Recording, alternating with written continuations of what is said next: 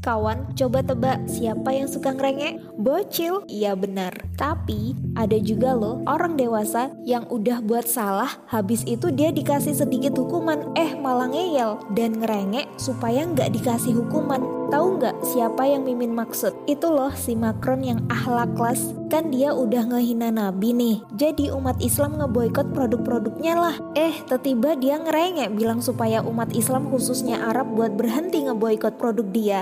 Makanya jangan suka main api kan. Ngeboikot produk Prancis udah bagus sih, tapi jangan cukup sampai di situ saja karena yang kita butuhkan itu solusi tuntas dari segala permasalahan. Saran Mimin, boikotlah secara total baik produk mereka atau pemikiran dan sistem hidupnya agar pelecehan terhadap nabi tidak terulang. Di samping itu, ambillah Islam sebagai aturan hidup kita agar kewibawaan Islam dan kaum muslimin tetap terjaga.